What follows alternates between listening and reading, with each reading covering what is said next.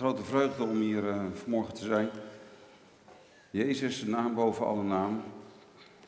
Ongeëvenaarde kracht is in uw grote naam. Hij heeft zich ontledigd en hij is voor ons gestorven aan het kruis. Maar hij is uitermate verhoogd en hij heeft een naam boven alle namen. En hij heeft alle macht in de hemel en op de aarde. En hij is koning over alle naties van deze wereld. Hij is ook koning over India. En um, ik heb het voorrecht gehad om nu al drie keer drie jaar achter elkaar in India te mogen zijn.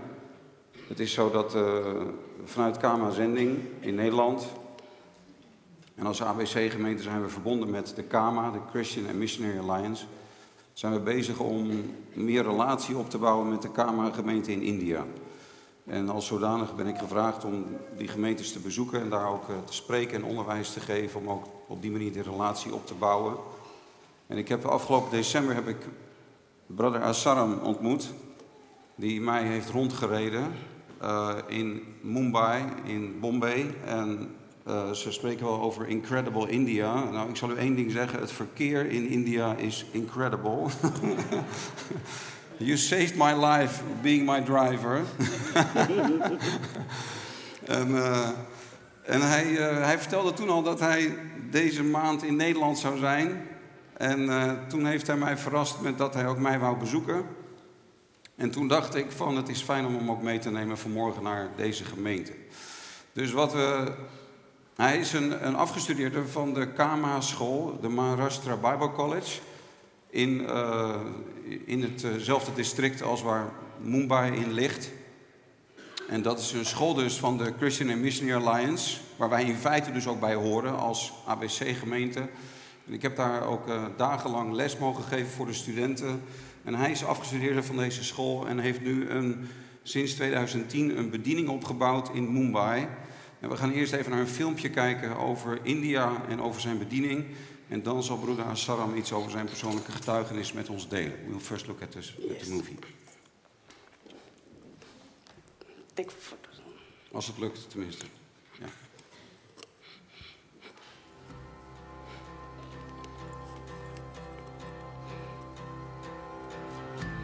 India, home to 1.3 billion people. one sixth of the world's population. 80% are Hindu, 13% are Muslim, 2% Christian, and 1.9% Sikh. Across this nation, there are 22 major languages, 13 differing scripts, and numerous dialects. Approximately 420 million speak the official language of Hindi, with English widely spoken within India's urban centers. Incredible India is defined by its rich heritage, glorious history, diverse cultures, pluralistic society, but also by its poverty, starvation, despair, grief, and hopelessness. There are 17 million child laborers, most of whom are homeless.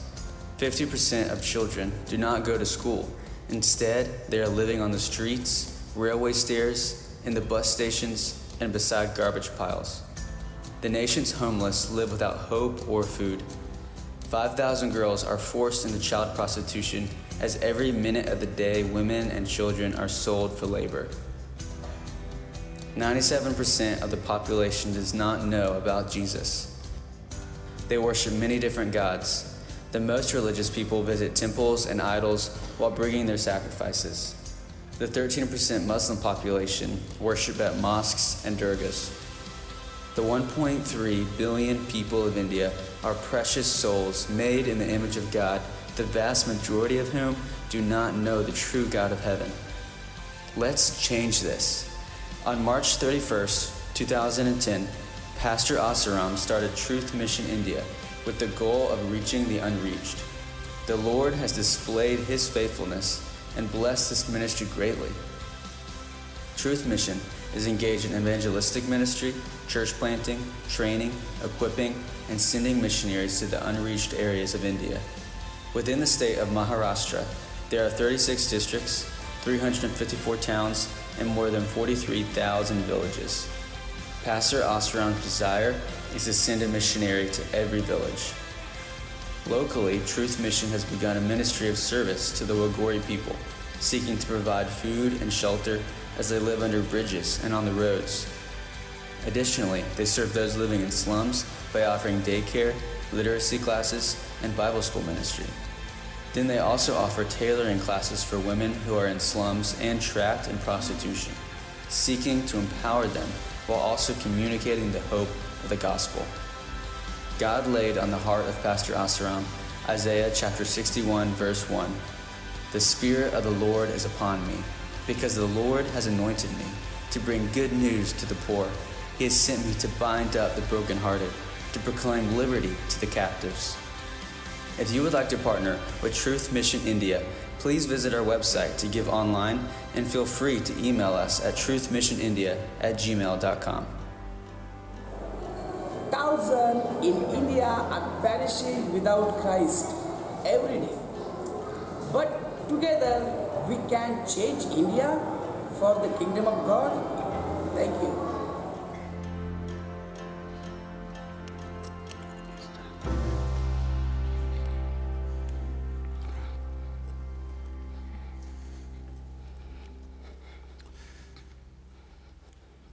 Ja, excuses dat dit alleen eh, in het Engels was, maar de beelden zeiden ook veel. So, brother, it's a real privilege that you're with us.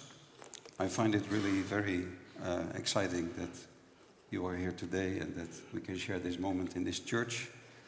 So, maybe you can share a little bit about what the Lord has done in your life. Yes.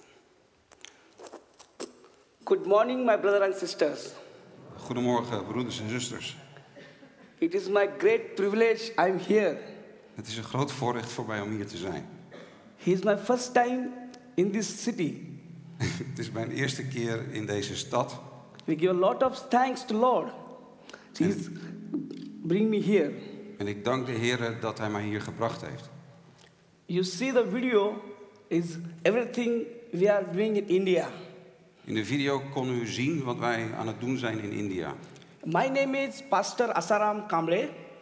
Mijn naam is Pastor Asaram Kamble. I'm from the Hindu background. Ik kom uit een hindoe achtergrond. Before coming Christ, my life was very bad.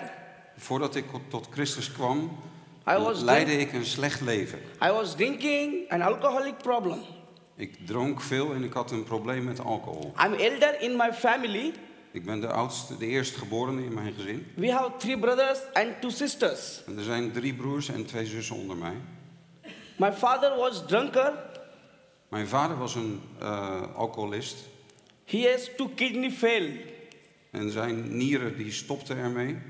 En Of, always- hij had problemen met zijn nieren. Always my father beat my mom and me and all my brothers and sisters. En mijn vader die was eh, gewelddadig. Hij sloeg mijn moeder en hij sloeg ons als kinderen. No peace in my family. Er was geen vrede in ons huis. No hope in my family. Er was geen hoop in ons gezin. Very poverty. Er was heel veel armoede.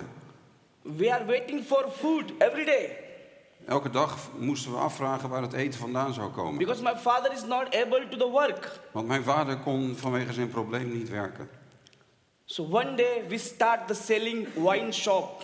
Dus op een gegeven moment begonnen wij wijn te verkopen. And that's why my life was very bad. En daarom ook eh, ging het niet goed met mijn leven. But one day, one missionary is given me one tracts, who is Jesus. Maar op een gegeven moment was er een zendeling die mij een traktaat gaf over wie Jezus is. Yeah, and but I'm the Christian, I'm, the against Christianity. Maar ik was tegen het christendom. I'm thinking Christian people, he's the American people. Ik dacht, eh, christenen dat zijn Amerikanen. Jesus is the American God. Jezus is de Amerikaanse God. So very bad thing in my mind. En ik had daar slechte gedachten over. But this missionary is again share me about Jesus Christ. Maar deze zendeling die bleef mij vertellen over Jezus. I'm told him I'm not interested in Christianity. Maar ik zei tegen hem, ik ben niet geïnteresseerd in het christendom. But third time he come again Maar hij kwam voor de derde keer naar mij toe. and he told me, En hij zei tegen mij, brother, Jesus loves you. broeder, de Heer Jezus heeft je lief. This word is touched my heart. En dat raakte mijn hart. And he tell me that Jesus died for you. En hij zei tegen mij, Jezus is voor je gestorven. He's buried and resurrected. Sorry? Is? buried and resurrected. He's the Oh, living oh, God. hij, is, hij is gestorven en, en begraven en hij is weer opgestaan. Jesus is the living God. Jezus is de levende God. In India, 33 crore gods. In India zijn er 33 Kerali gods. Crores, millions of God. Oh, ja, heel veel miljoenen goden. And Indian people, they worship animal, En Indiaanse mensen aanbidden ook dieren. they worship the tree, En ze aanbidden de bomen. they worship the uh, star and moons. En ze aanbidden de sterren en de maan. Indian people very crazy. Well, that's your responsibility to say that. Yes. because they worship animal, trees, and the star and moons. Omdat ze al deze afgoden hebben, zijn ze niet helemaal goed bij hun verstand. And I was also worship. I was also worship the animals. En ik aanbad ook dieren. But nobody to listen my prayer in Indian God. Maar ik, ik merkte dat geen van die goden naar mijn gebeden luisterde. We worship.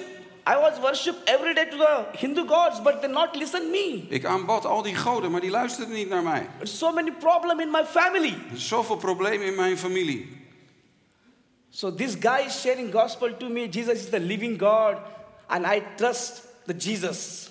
En toen bleef deze, deze zendeling mij vertellen dat Jezus de levende God is. En toen, He's inviting me in the youth meeting, Bible study, and the church service. en hij, hij nodigde mij uit in de jeugdbijeenkomsten voor bijbelstudies en in de kerkdiensten. Slowly, slowly, I start go to the church, En langzaamaan begon ik die kerk te bezoeken. and slowly, slowly, my life will change. En langzaamaan begon mijn leven te veranderen. Jesus come in my heart, and my life will change. Jezus kwam in mijn hart en mijn leven begon te veranderen.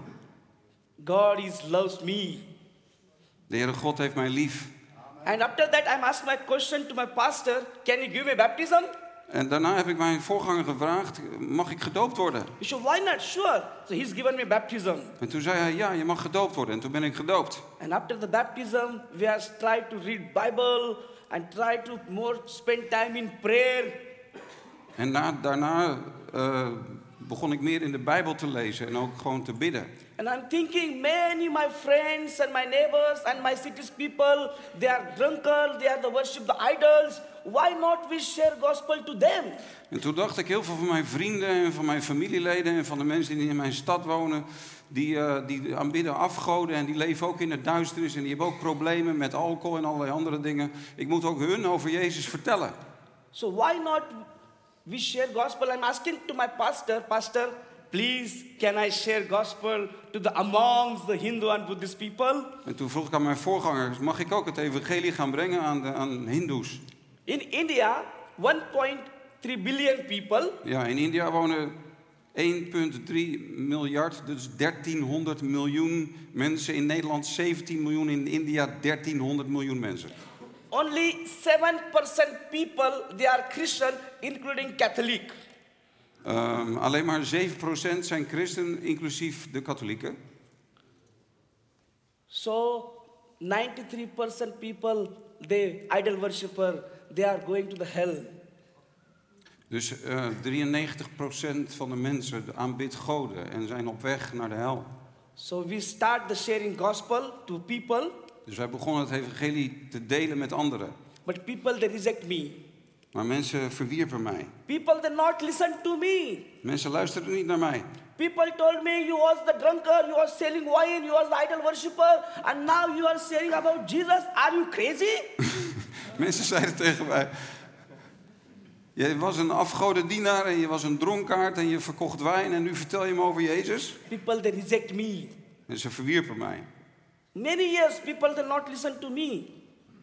En het duurde best wel jarenlang dat mensen niet luisterden. One day, at midnight, I knelt down and prayed. En op een avond knielde ik neer en ik bad. We knelt down and pray, and all my tears drop on Bible. Hij zegt, eh, of ik, zei, eh, ik, ik werd erg geëmotioneerd. En ik moest zo huilen dat tranen op mijn Bijbel vielen.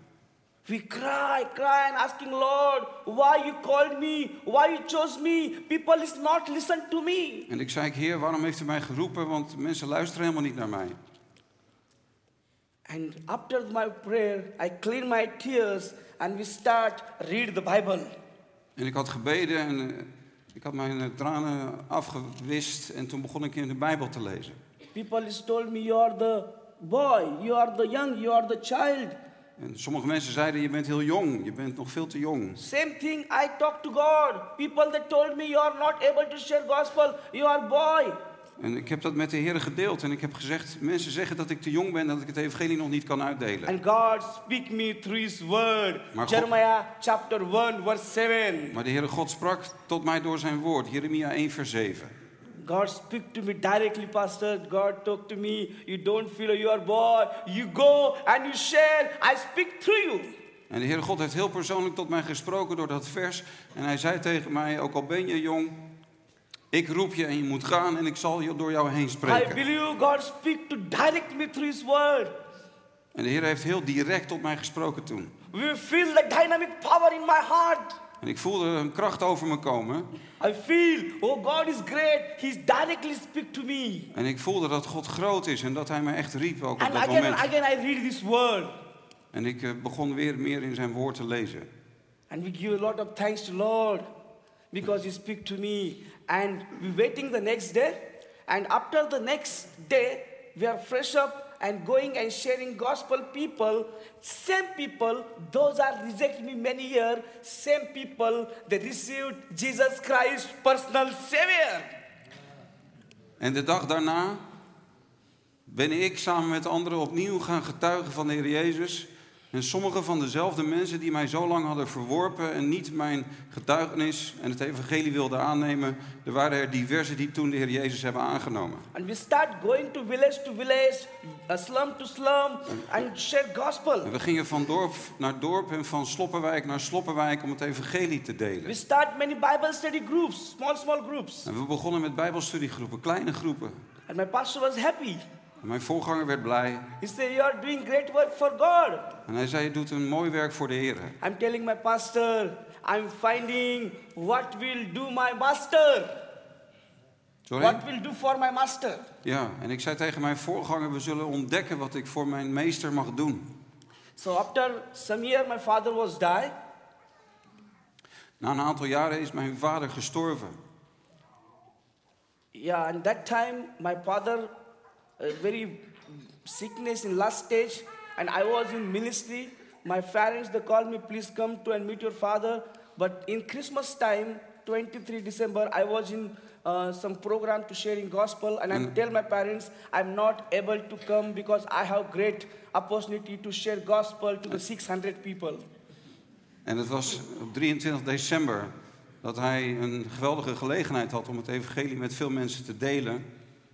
Maar dat zijn vader op sterven lag en dat zijn familie vroeg om te komen.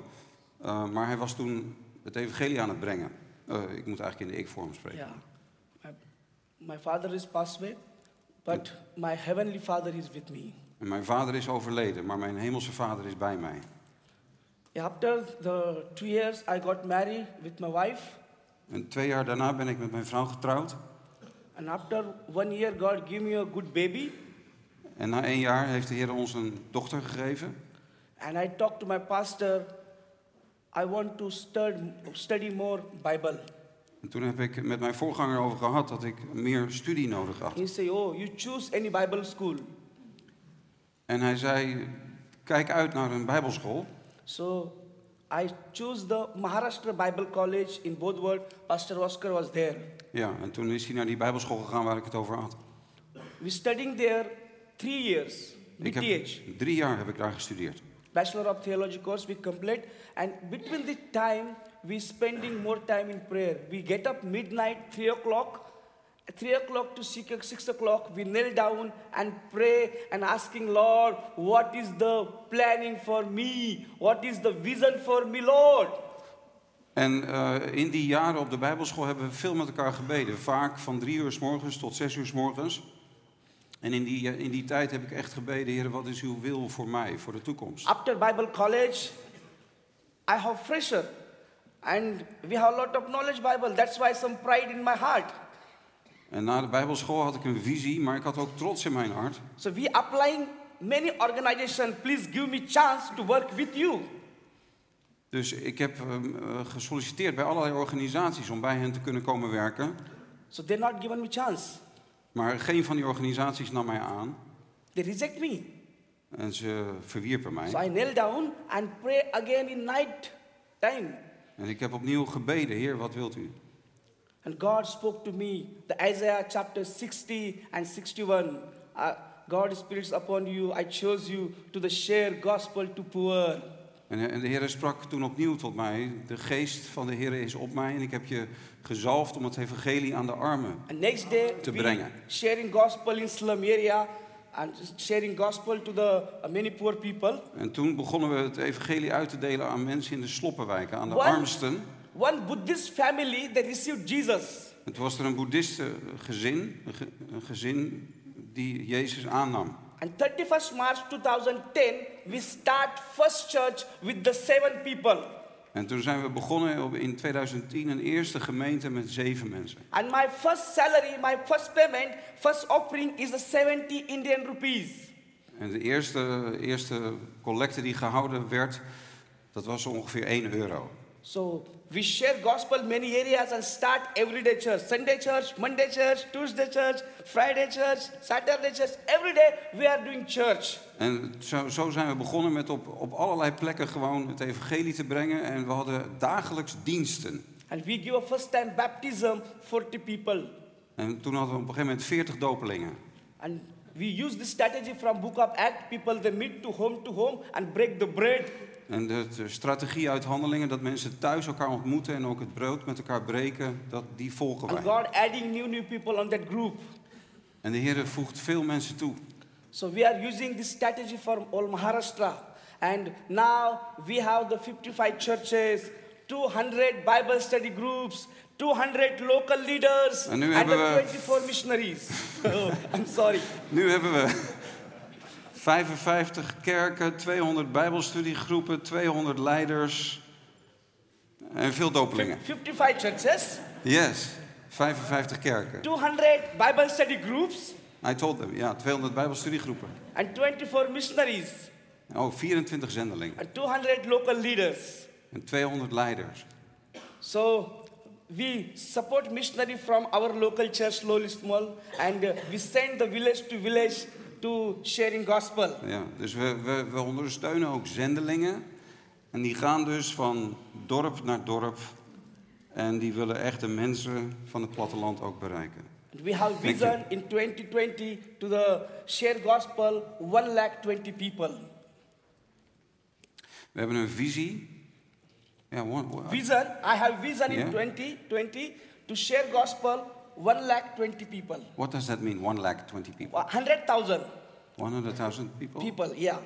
This is the goal for 2020 Oh, to oké. sharing gospel. Het doel, de bedoeling, de visie is om in dit jaar eh 100.000 mensen te bereiken met het evangelie. So every leader, he decided he share gospel every day to people.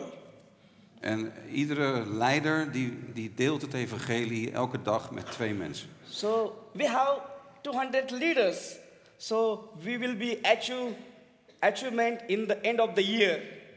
En als, als al die 200 leiders elke dag het evangelie met twee mensen delen, dan kunnen we dat doel bereiken. My brother and sisters, Broeders en zusters, please continue to pray for the India. blijft u alstublieft bidden voor India. Thousand people is lost. Vele duizenden mensen gaan They verloren. die without Christ. En ze sterven zonder Christus. The idol worshipper. En ze aanbidden afgoden. The alcoholic. En ze zijn alcoholi- al- alcoholisten. Many small girl people they selling in red light area. En vele meisjes worden verkocht in de mensenhandel en komen in de prostitutie terecht. Many people they staying in slum. Velen wonen in sloppenwijken. Please pray, Lord save people. Dus bid alstublieft dat de Heere We God are- mensen zal redden. We are going every place and sharing about Jesus because gospel has power to save gospel, save people. En wij gaan overal naartoe en willen mensen bereiken omdat het evangelie, de Heer Jezus, mensenlevens verandert. This is my request. Please continue to pray for this Truth Mission Ministry and the all Indian people and pray for my family also. En dit is mijn verlangen, mijn, mijn vraag aan u of u wilt blijven bidden voor onze bediening en voor het land en volk van India en voor mijn eigen gezin. Thank you so much, brother Thank you very much. You, we'll pray for you. Sorry. We'll pray for you.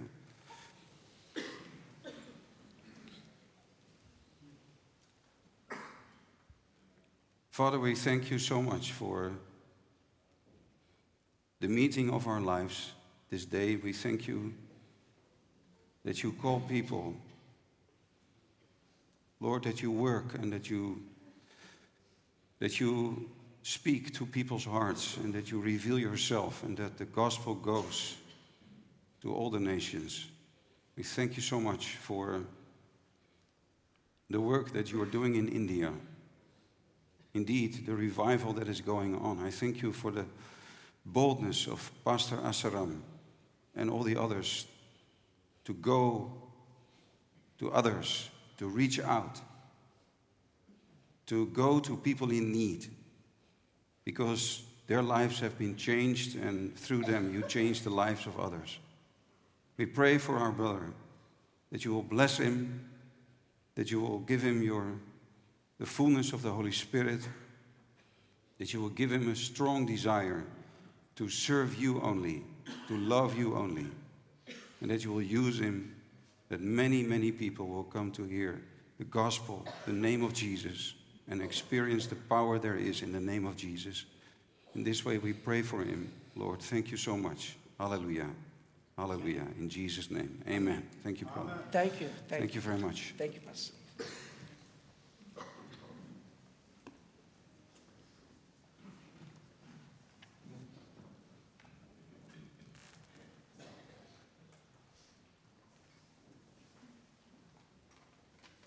Weet u wat mij nou zo aanspreekt van wat ik meemaak van de broeders en zusters in India? Dat is dat ze, dat ze grote vrijmoedigheid hebben om het evangelie te delen met anderen. En ook een diep verlangen hebben om dat te doen, zoals we ook uit zijn woorden zojuist hebben kunnen horen. Terwijl dat niet ongevaarlijk is. De directeur van de school, waar ik eh, dus was, waar hij ook heeft gestudeerd, die haalde mij op uit Bombay. En toen hebben we een hele nacht eh, met de trein gereisd. En hij vertelde mij dat hij die week daarvoor, dat was op een zondagavond dat wij reisden, en de zondag daarvoor was hij in de buurt van de Bijbelschool, waar ik dus ben geweest, was hij ook naar een dorp gegaan, enkele tientallen kilometers daar vandaan, waar sinds een aantal maanden een aantal Hindoe-families tot geloof zijn gekomen. En, ehm, en hij had daar een dienst geleid met, met enkele tientallen mensen. En hij kwam daar nu regelmatig. En andere mannen hadden dat gezien, mensen hadden dat gezien. En toen ze na die dienst in de huiskamer zaten met vijf mensen, kwamen er twintig boze mannen binnen met knuppels en met andere bepaalde dingen in hun, in hun handen. Niet zwaarden, maar wel een soort van knuppels. En die begonnen echt te slaan. En ze hebben een, ehm, een broeder heel hard tegen de muur ge- ge- gegooid. En ze hebben de directeur van de Bijbelschool Sanjay... hebben ze een stoel op zijn lichaam helemaal kapot geslagen. En een, een, een plank van die stoel kwam in het gezicht van een andere broeder... en die had zijn gezicht open. En dat was erg gevaarlijk. En buiten stonden nog honderd woedende mannen. Dat was een week gebeurd voordat ik deze broeder ontmoette. Dat was de eerste keer in zijn leven dat hij dat meemaakte. En toen was die man die tegen de muur geknald was, die deed net alsof hij bewusteloos was. Alsof hij helemaal buiten Westen was. En toen werden ze bang, toen dachten ze dat ze hem hersenbeschadiging hadden toegebracht. En toen, eh, toen kwamen ze tot bedaren en toen hebben ze verder die mensen met rust gelaten. Maar we weten van Open Doors, we weten uit de krant dat de vervolging in India toeneemt. En ik heb nu dus dit van heel dichtbij gehoord. Ik heb het eh, uit gehoord van iemand die het heeft meegemaakt. En zelfs in december zijn er nog een aantal christelijke voorgangers in India vermoord. India staat nu op plaats 9 of plaats 10 op de ranglijst van Open Doors. Iran staat op plaats 9. Bij Iran kunnen we ons heel veel voorstellen van vervolging van christenen. Maar India staat slechts één plekje boven Iran. Dus, en dan toch nog die vrijmoedigheid. Hè? Dat is wat ik, wat ik wou zeggen. Dan toch nog die bereidheid om naar die dorpen te gaan. Om mensen op te zoeken. Het is verboden. Er is een wet aangenomen dat je niet anderen mag bekeren. Maar ze doen het toch. En ik denk dat het een spiegel voor ons is. Een spiegel voor ons. Van hoeveel wij ervoor over hebben om ook anderen voor Jezus te vertellen.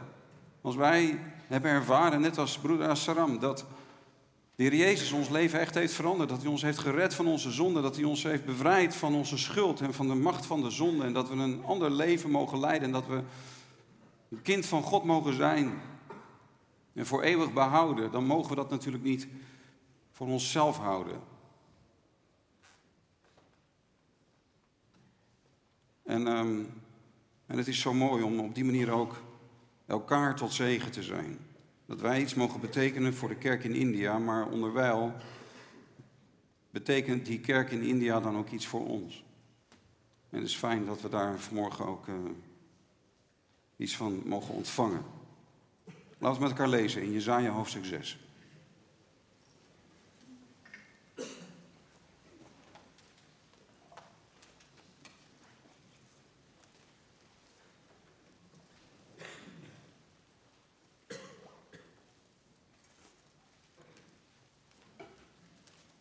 Jezaja hoofdstuk 6, vers 1.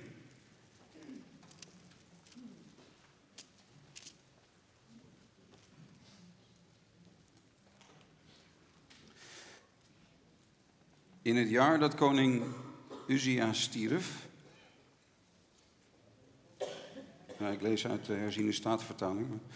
In het jaar dat koning Uzia stierf, zag ik de Heer zitten op een hoge en verheven troon en de zomen van zijn gewaad vulden de tempel. Seraf stonden boven hem, ieder had zes vleugels. Met twee bedekte ieder zijn gezicht, met twee bedekte hij zijn voeten en met twee vloog hij.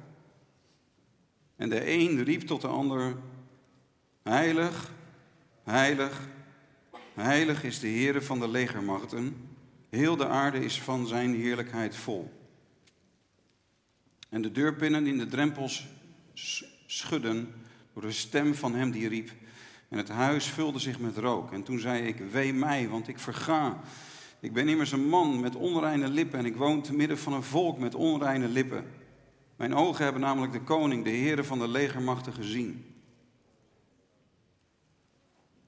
Maar een van de serafs vloog naar mij toe en had een gloeiende kool in zijn hand die hij met een tang van het altaar had genomen.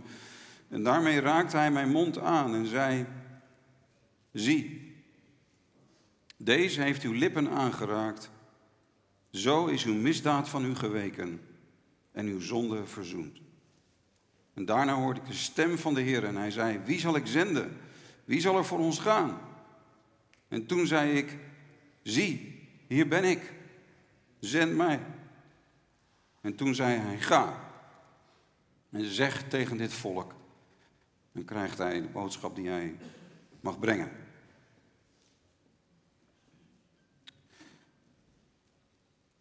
Het begint allemaal met openbaring van wie de Heer is. Jezaja die zag de Heer in zijn glorie. Hij kreeg een visioen van wie de Heer is. Hoog verheven, zitten op een hoge en verheven troon. En hij zag de heilige engelen, de serafs. Het woord seraf komt van een grondwoord dat branden betekent. Vurige, brandende, schitterende, glorieuze engelen. Die zichzelf bedekten, die niet zelf gezien wilden worden. Die grotendeels zichzelf bedekten, maar de heerlijkheid van de Heer aanbaden en de heiligheid van God bejubelden. Heilig, heilig, heilig is de Heere van de legermachten. God is heilig. God is de enige God die er is. Heilig betekent uniek. Heilig betekent de geheel andere. Degene die afgescheiden is. Niet alleen afgescheiden van het kwaad. Bij heilig denken wij vaak aan gezonder zonde, dat is zeker ook wat heilig inhoudt, maar dat is een veel te beperkte uitleg van wat heilig is. Heilig betekent niet alleen afgescheiden van het kwaad, maar heilig betekent afgescheiden van alles dat is. Dat is precies het verschil tussen Hindoeïsme en christendom.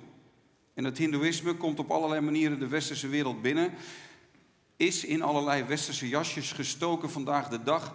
En dat Hindoeïsme of dat, dat die, die, die Oosterse godsdienst, die dreigt zelfs de kerk binnen te komen. Waarin het verschil tussen God en de schepping verdwenen is. Maar de heiligheid van God betekent dat Hij volkomen anders is dan alles wat Hij heeft gemaakt. In het Hindoeïsme is alles is God. Alles dat is, is God. Het pantheïsme noemen we dat. Waarin er dus geen verschil is tussen God en de, en, en de werkelijkheid, tussen God en de schepping. Alles is God en dus wij zijn ook een onderdeel van God. En het Hindoeïstische en het, ook het New Age idee van verlossing is dat je bewust wordt dat jij goddelijk bent. Wees stil en weet dat jij God bent. Dat is eigenlijk dat New Age denken. Maar de Bijbel zegt: wees stil en weet dat Hij God is. Hij is heilig, Hij is onze aanbidding waard. Hij alleen is het waard om aanbeden te worden. Daarom had broeder Assaram het over de duisternis van de afgodendienst, de duisternis van de afgoderij. Idol worshippers. Zoveel afgodendienaren, niet alleen in India, maar ook in Nederland. Afgodendienaren, want ze hebben geen zicht op God. Op de God die heilig is, die afgescheiden is van de schepping, de enige God. En er is een oneindig verschil tussen God en de schepping. Hij heeft altijd bestaan. De schepping heeft een begin gehad. Hij is eeuwig. De schepping is geschapen. En er was een punt in de tijd dat de schepping ontstaan is. Maar hij was er altijd al. God is volkomen onafhankelijk. God is het leven zelf. Jezus zegt: Ik ben het leven. Hij is de schepper, de bron van alles dat is en de instandhouder van het universum. Alles bestaat in hem. Hij is de onafhankelijke en de instandhouder. De schepping is volkomen afhankelijk van hem. Dus een oneindig verschil tussen God en de schepping. En hij alleen is het waard om aanbeden te worden. Alleen hij komt toe de eer en de dank en de lof en de, onze hart. En alleen God is het waard om echt te aanbidden. Alleen God. En al het andere is het niet waard om te aanbidden. Het is niet waard om de schepping te aanbidden. Het is niet waard om dieren en bomen en mensen te aanbidden. Het is niet waard om mensen te.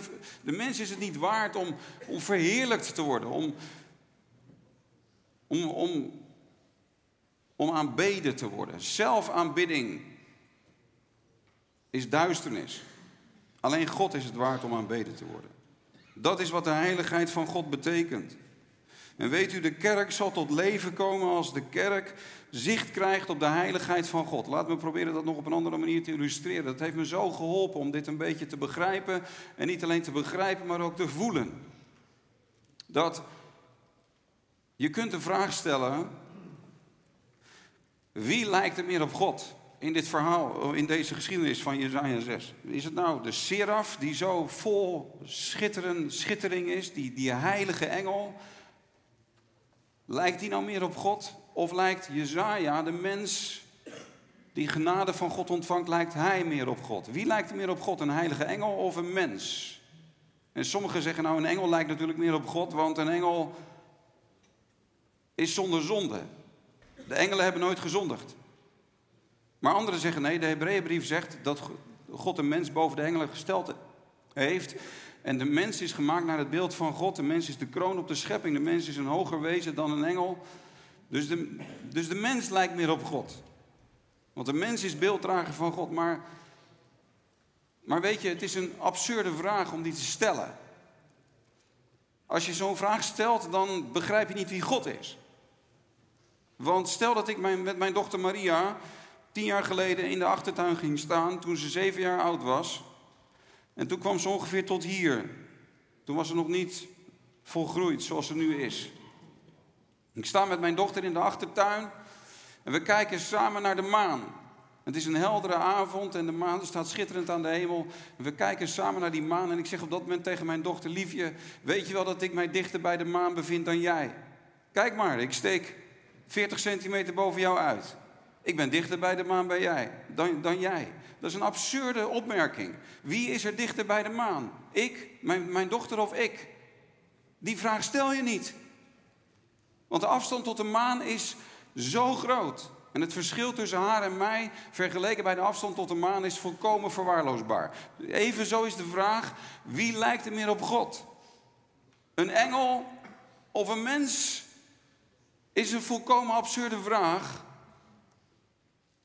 Want beiden zijn geschapen wezens.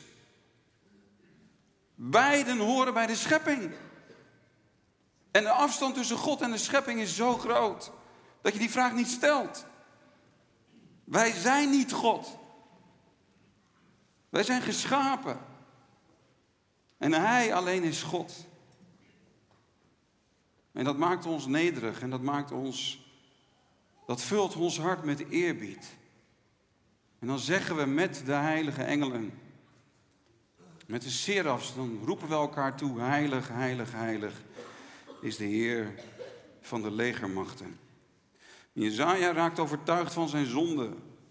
Juist als hij die engelen ziet, want hij, ja, als hij de Heer ziet, zeker, hij ziet de Heer, hij ziet, hij ziet God. Hij, hij, hij zegt ook, ik heb God gezien, de, de koning. Ik heb de koning van de hemelse legers, de koning, de heren van de legermachten heb ik gezien. En niemand kan God zien en blijven leven. Dus hij denkt dat hij gaat sterven. Hij denkt dat hij gaat sterven. En er komt grote verbrokenheid in zijn hart. Hij komt tot verootmoediging. Waarom?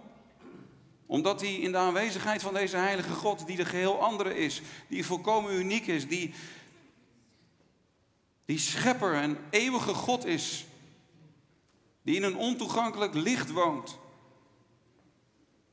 Hij heeft God gezien en en op dat moment besefte hij dat hij zelf voor God heeft gespeeld. Dat hij veel te klein van God heeft gedacht tot dan toe en veel te groot van zichzelf. Dat zijn hart vervuld is geweest met trots en met ijdelheid en met eerbejag.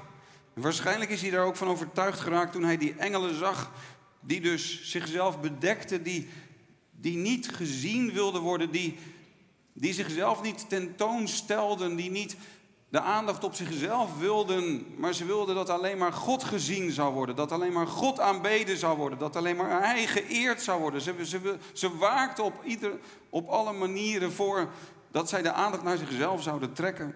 En Jezaja beseft op dat moment dat hij als zondig mens, als trots mens, de aandacht naar zichzelf heeft willen trekken, dat hij iemand heeft willen zijn, dat hij dacht groot te moeten worden. Hij was een begaafd man, hij heeft het moeilijkste Hebreeuws van de Bijbel geschreven. Maar hij wordt zich, over, hij wordt zich bewust van zijn, van zijn trots. Van zijn ijdelheid. Van zijn eerzucht. Van zijn zelfingenomenheid. Van zijn, van zijn onreine lippen. Hoe hoogmoedig hij gesproken had. Hij had zijn lippen gebruikt om misschien gezien te worden door anderen, om gehoord te worden door anderen, om hij was geroepen om zijn lippen te gebruiken, maar zelfs met het gebruik van zijn lippen, misschien had hij zelfs wel al woorden van God doorgegeven, profetieën van God doorgegeven, maar zelfs met het doen van deze goede dingen had hij zichzelf verontreinigd, omdat zijn hart op zichzelf gericht was geweest. Omdat hij vanuit eigen wil en vanuit een verlangen naar eigen eer deze dingen gedaan had. Hij had zichzelf niet bedekt, maar had zichzelf tentoongesteld. Hij was op de voorgrond getreden. En hij beseft hoe zondig dat is. Iemand heeft geschreven. Dit is een verschrikkelijk iets in de ogen van God. En zo moet het ook in onze ogen zijn. De trots, de rebellie van het misbruiken van de genade van God. En het misbruiken van onze roeping tot dienst tot de dienst aan God. Dat wij daardoor eer zouden verkrijgen. En dat we daardoor de heerlijkheid van degene die wij zeggen te beleiden. Dat we zijn heerlijkheid daarmee verbergen. En van deze verschrikkelijke zonde wordt Jezaja zich bewust. Eigenlijk is dit het hart van wat zonde is. Het is niet de dronkaard die, die vooral een zondaar is. En niet degene die in een sloppenwijk woont. Of degene die in de kroegen zit. Het zijn niet de mensen die in, in de goot zijn terechtgekomen. Ja, dat zijn symptomen van zonde. Dat is waar zonde toe kan leiden, zeker. Zonde maakt mensenlevens kapot. Maar het zijn eigenlijk niet ten diepste die uiterlijke dingen. We moeten niet de mens wat betreft de buitenkant beoordelen. Maar het zit in het hart. Het is die zelfaanbidding. Het is dat zo bezig zijn met jezelf. Het is die ijdelheid. Waardoor je eigenlijk niet aanbidt. En daar wordt Jezaja zich van bewust. En dan wordt hij bevrijd. Dan komt er bevrijding. Op het moment dat hij tot verbrokenheid komt. Op het moment dat hij zich verootmoedigt, dat hij zijn zonde beleidt. Op het moment, op het eerste moment, onmiddellijk als hij zegt, wee mij, ik ga ten onder. En als hij zijn onreine lippen ook inderdaad beleidt en het gewoon uitspreekt en zegt, oh God, ik heb gezondigd. Oh God, ik heb me op uw plaats gesteld. Oh God, ik heb in zelfaanbidding gewandeld. Ik ben onrein geworden met mijn woorden en met mijn hartsgesteldheid en met mijn motieven. Maar op het moment dat hij dat beleidt, hij komt tot verbrokenheid. Onmiddellijk openbaart zich God, Gods genade. Want zo zegt de hoge en verhevene die in de eeuwigheid woont en wiens naam heilig is. Ik woon in de hoge hemel en in het heilige en bij de verbrijzelde en nederige van geest, om levend te maken de geest van de nederige en om levend te maken het hart van de verbrijzelden. Hij maakt levend het hart van de verbrijzelden. En Jezaja is verbrijzeld in de aanwezigheid van God. En dan komt daar een, een seraf die dan van het altaar een, een vurende, vurige kool neemt. Met een tang neemt hij van het altaar een gloeiende kool in zijn hand. We lezen in Leviticus 16 dat op grote verzoendag, zo mooi is dat, dat één keer per jaar de hoge priester het heilige der heiligen mocht binnengaan. En dan was er op het, op het, uh, op het, um, op het altaar was een lam geslacht buiten het heilige der heiligen. Er was een offer gebracht. Dan staat er verder moet hij van het altaar voor het aangezicht van de Heer een vuurschaal vol vurige kolen nemen, met beide handen vol fijn gestoten geurig reukwerk en dit binnen het voorhangsel brengen. Hij moet dan het reukwerk op het vuur leggen voor het aangezicht van de Heer, zodat de wolk van het reukwerk, het verzoendeksel dat boven de getuigenis is bedekt, en hij niet zal sterven. Een schitterende illustratie van, van Gods genade. Dat, dat er dus een offer gebracht is op het altaar. En het altaar van waar het vurige kool genomen wordt, ook in Jezaja 6 en ook in Leviticus 16, is natuurlijk het kruis van Golgotha. Waar het ware offer gebracht is, waar het lam van God geslacht is voor de zonde van de wereld. Maar in de tabernakeldienst werd er dan van dat altaar waar dat lam geslacht was, een vurige kool genomen. En die werd dan op één keer per jaar door de hoge priester meegenomen in het heilige der heiligen waar God woont. Hij woont tussen de cherubim, die boven, hè, die, die de, op de ark van het verbond. De vleugels van de cherubim die zo tegenover elkaar boven dat verzoendeksel zijn. En onder dat verzoendeksel ligt het getuigenis, ligt de wet. En die wet is een afstraling van Gods heiligheid en die wet betekent onze dood. Want de wet veroordeelt ons. Zoals Jezaja zegt, wee mij, ik verga. Ik heb de wet overtreden en ik verdien de dood. Maar dan nam de, hoge priester, die nam die kolen en dan, dan zorgde hij dat er reukwerk was. En dan staat er dus in Leviticus 16 dat het reukwerk, dus de rook, de rook die van die vurige kolen kwamen, Die wolk, die kwam boven het verzoendeksel, zodat God de wet niet meer zag en het volk niet zou sterven. Net als dat het bloed het verzoendeksel bedekte en God de wet niet meer zag. En door het bloed is er vergeving van zonde. Zo is het ook de rook. De rook van het reukwerk dat het verzoendeksel bedekte, waardoor God de wet niet meer zag. Waardoor er vergeving voor de zondaar is, vanwege wat er op het altaar is gebeurd. En hij wordt, Jezaja wordt aangeraakt met die vurige, gloeiende kool van het altaar. En dan krijgt hij dit woord te horen. Zie, deze heeft uw lippen aangeraakt. Uw misdaad is van u geweken en uw zonde is verzoend. Er is volkomen vergeving door wat God heeft gedaan in het brengen van een offer. Volkomen vergeving. En dat is het goede nieuws, dat is het evangelie. Dus als je hier vanmorgen zit en misschien dat God wel ook sommigen van ons vanmorgen tot verbrokenheid leidt. Dat je komt tot, tot inkeer en dat je gaat zien dat je jezelf hebt willen tonen en dat je, de boven, dat je gewoon de hoofdrol hebt gespeeld in je leven tot nu toe en dat je ten diepste eigenlijk tot nu toe voor jezelf hebt geleefd. Ook al zit je niet in de kroeg en ook al ben je niet een dronkaard en ook heb je je leven op orde, maar je kunt nog steeds diep in zonde leven omdat je eigenlijk ten diepste voor jezelf leeft. Maar als je zicht krijgt op de heiligheid van God en je ziet dat Hij alleen het waard is om aanbeden te worden, dan besef je dat je hebt gezondigd, dat je voor God hebt gespeeld. En dan zeg je, wee mij, maar op dat moment kom je tot verbrokenheid en tot verbrijzeldheid. En dan onmiddellijk komt God naar je toe. En dan zegt hij, maar er is een offer gebracht voor jouw zonde. En ik raak je aan. Daar waar je onrein bent geworden. En ik geef je deze boodschap. Je misdaad is volkomen van je geweken. En je zonde is verzoend. Er is volkomen vergeving door het offer van Jezus Christus. Je mag leven. Je mag leven tot in eeuwigheid. In de aanwezigheid van deze heilige God. Dit is het goede nieuws. Dit is wat het leven van broeder Asaram heeft veranderd.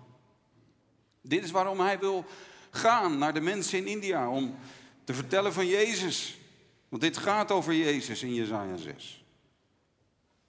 Trouwens, als er staat dat Jezaja de Heer zag op een hoge en verheven troon, worden precies diezelfde woorden in Jezaja 52 gebruikt. Hoog en verheven voor de leidende dienstknecht des Heren. De inleiding op Jezaja 53, de leidende dienstknecht des Heren.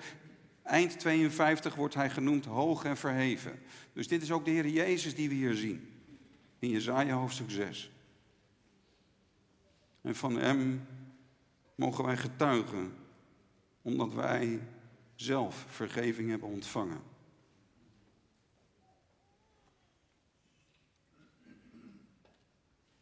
En weet je, en daar, daar sluit ik mee af, maar dan wordt alles anders. Je zou eigenlijk kunnen zeggen dat, dat Jezaja, tot, totdat hij deze, dit zicht kreeg, tot nu toe had Jezaja het niet met zijn hart begrepen. Ik vind het ook zo mooi van wat er in die versen daarna volgt. Er wordt ook gesproken over het begrijpen met je hart. Dat je ogen open gaan, dat je, dat je het gaat horen, maar ook dat je hart gaat begrijpen en dat je je bekeert. Dat was het probleem met het Israël in de tijd van Jezaja, ook het probleem met Israël in de tijd van Jezus. Dat ze niet oren hadden om te horen, niet ogen om te zien en niet een hart dat begreep, zodat ze zich niet bekeerden.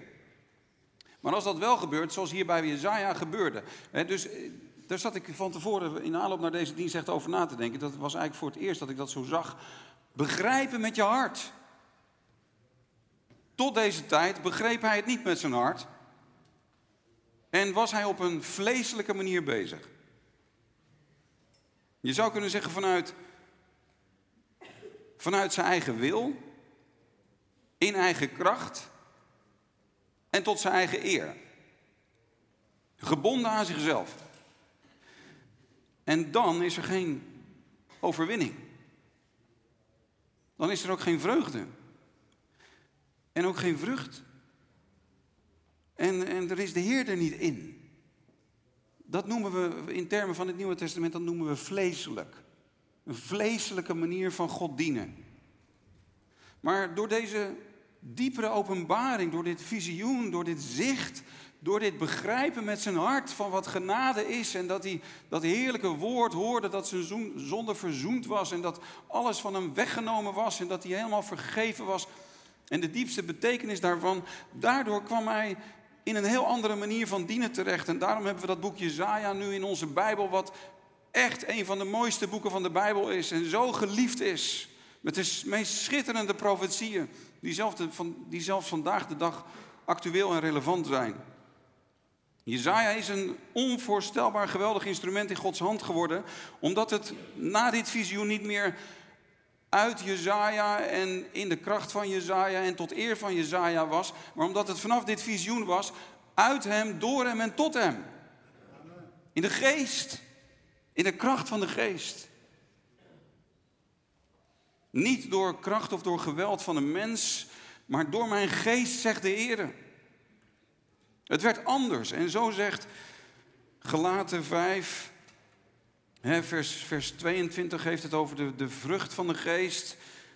Dat wij de Heilige Geest mogen ontvangen en dat, dat dan liefde in ons hart komt en vreugde en vrede en, en, en zelfbeheersing en goedheid en trouw en al die vruchten van de geest. Weet je, dat is, dat is gewoon het, het, het, heerlijke vrije leven waar wij toe geroepen zijn. Om in de kracht van de Heilige Geest te leven. Maar dan staat er twee versen daarna, staat... Sorry, ik moet het even opzoeken. Maar daar staat dan in vers 24... Wie van Christus zijn, hebben het vlees met zijn hartstochten en begeerten gekruisigd. Met andere woorden, als je met je hart gaat begrijpen wat Jezus voor je deed aan het kruis van Golgotha, dat Hij je zonde heeft gedragen, dat je verdient om te sterven in de aanwezigheid van een heilige God, omdat je zelf voor God bent gaan spelen, maar dat je door het offer van Jezus vergeven bent en levend gemaakt bent, dan is die oude manier van dienen voorbij dan is het vlees gekruisigd. Dan heb je het vlees gekruisigd. Dan is het niet meer uit jezelf en in eigen kracht en tot eigen eer. Dat is allemaal voorbij. Je bent gestorven aan zelf. Prijs de Heer, want dat knecht je en dat maakt je slaaf en dat maakt je ongelukkig. Maar dat is allemaal voorbij. En nu is er een andere manier gekomen, namelijk om te dienen overeenkomstig het nieuwe verbond. Om te dienen in de kracht van de Heilige Geest. In zijn kracht. Waarbij je zelf zegt, Heer, ik doe een stap terug. Oh God, ik wil u niet in de weg lopen. Oh God, ik wil mezelf verbergen. Ik wil niet meer mezelf tentoonstellen. Ik wil, ik wil verlost worden van die vreselijke ijdelheid. Dat wil ik niet meer, want ik zie u. Ik zie u. En ik wil u alleen. Jezus alleen. Hij alleen de aanbidding. Jezus alleen. En dan is er kracht. En dan is er vrucht. En dan is er blijdschap. Weet je, dan, wordt het, dan wordt het allemaal zoveel makkelijker. Echt. Als wij op deze manier het oog gericht houden op onze Heer. Als wij de Heer voor ogen houden. En als we weten wat het is om voor Hem te buigen. En als we zijn naam kennen, ongeëvenaarde kracht is in zijn grote naam. Jezus overwinnaar. Als we zijn naam kennen, dan knielen we voor hem neer. Dan buigen we voor hem. En dan zeggen we, Heer, niet mij, niet ons komt de eer toe, maar u komt de eer toe. Dan wandelen wij in aanbidding, in echte aanbidding. En dan zal de kracht van de geest ons deel zijn. En dan zal ons hele leven, waar we ook toe geroepen zijn, want we zijn allemaal geroepen in, in allerlei disciplines van het leven, in allerlei beroepen, in allerlei manieren waarop we dagelijks bezig zijn. We zijn allemaal geroepen, maar dan wordt het echt anders. Niet meer vleeselijk, maar met vreugde. Met een hart dat vervuld is met liefde. En als je hem echt, als je hem lief hebt, dan gaat het van binnenuit vanzelf. En dan wandel je in blijdschap met je Heer en Heiland. En dan dien je Hem uit liefde. En dan wordt alles zoveel makkelijker. Halleluja. God geven dat wij deze vrijheid ook in de kerk in Nederland mogen meemaken. Vanuit het zicht op onze Heer. Halleluja. Amen. Laten we samen bidden. Misschien kunnen de muzici al van naar voren komen. Kunnen we gelijk zingen daarna.